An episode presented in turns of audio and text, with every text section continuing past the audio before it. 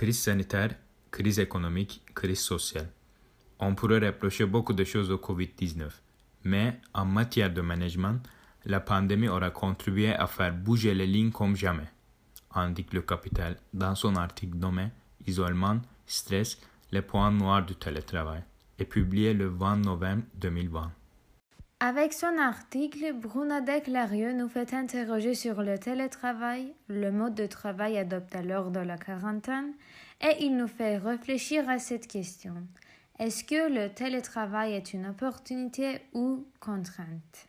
Si le travail à distance peut présenter certains avantages, il est également responsable d'un sentiment d'isolement, d'horaire à rallonge ou de fortes pressions psychologiques cite la Libération dans son article nommé Télétravail, un salarié sur deux en détresse psychologique et publié le 17 décembre 2020. Il ajoute aussi que la moitié des salariés et 56% des managers seraient en situation de détresse psychologique à cause du télétravail. Le psychologue M.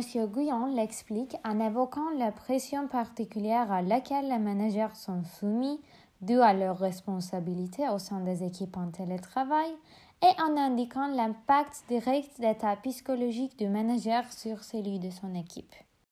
En plus, la Libération accuse le management français d'être trop conservateur et inadapté au télétravail.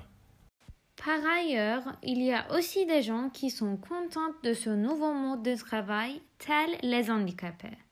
Nos salariés handicapés sont très demandeurs de travail à domicile constate Aurélie Allouan dans l'article intitulé Télétravail et handicap, opportunités ou contraintes et publié le 16 novembre 2020 dans le quotidien Le Parisien.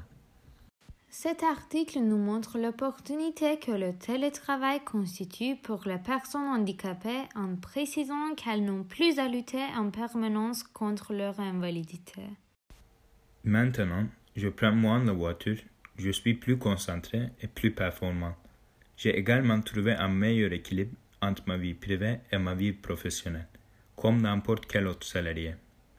Dit Raphaël Mollet, un homme handicapé de 47 ans, dans l'article nommé Télétravail et handicap, témoignage, est publié le 16 novembre 2020 dans Le Parisien.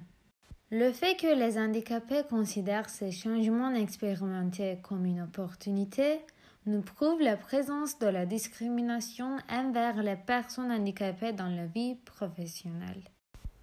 D'une certaine manière, le Covid a mis tout le monde sur un pied d'égalité, dit Julien Legouban dans l'article dont on a parlé précédemment. C'est dommage que les entreprises n'aient pas pu y parvenir auparavant et qu'elles aient considéré les travailleurs handicapés comme des gens enfermés, autrement dit, inférieurs et incompétents. On espère que les entreprises continueront à mettre leurs salariés sur un pied d'égalité même après le Covid-19 et qu'elles rejetteront leur définition réductrice de travailleurs handicapés.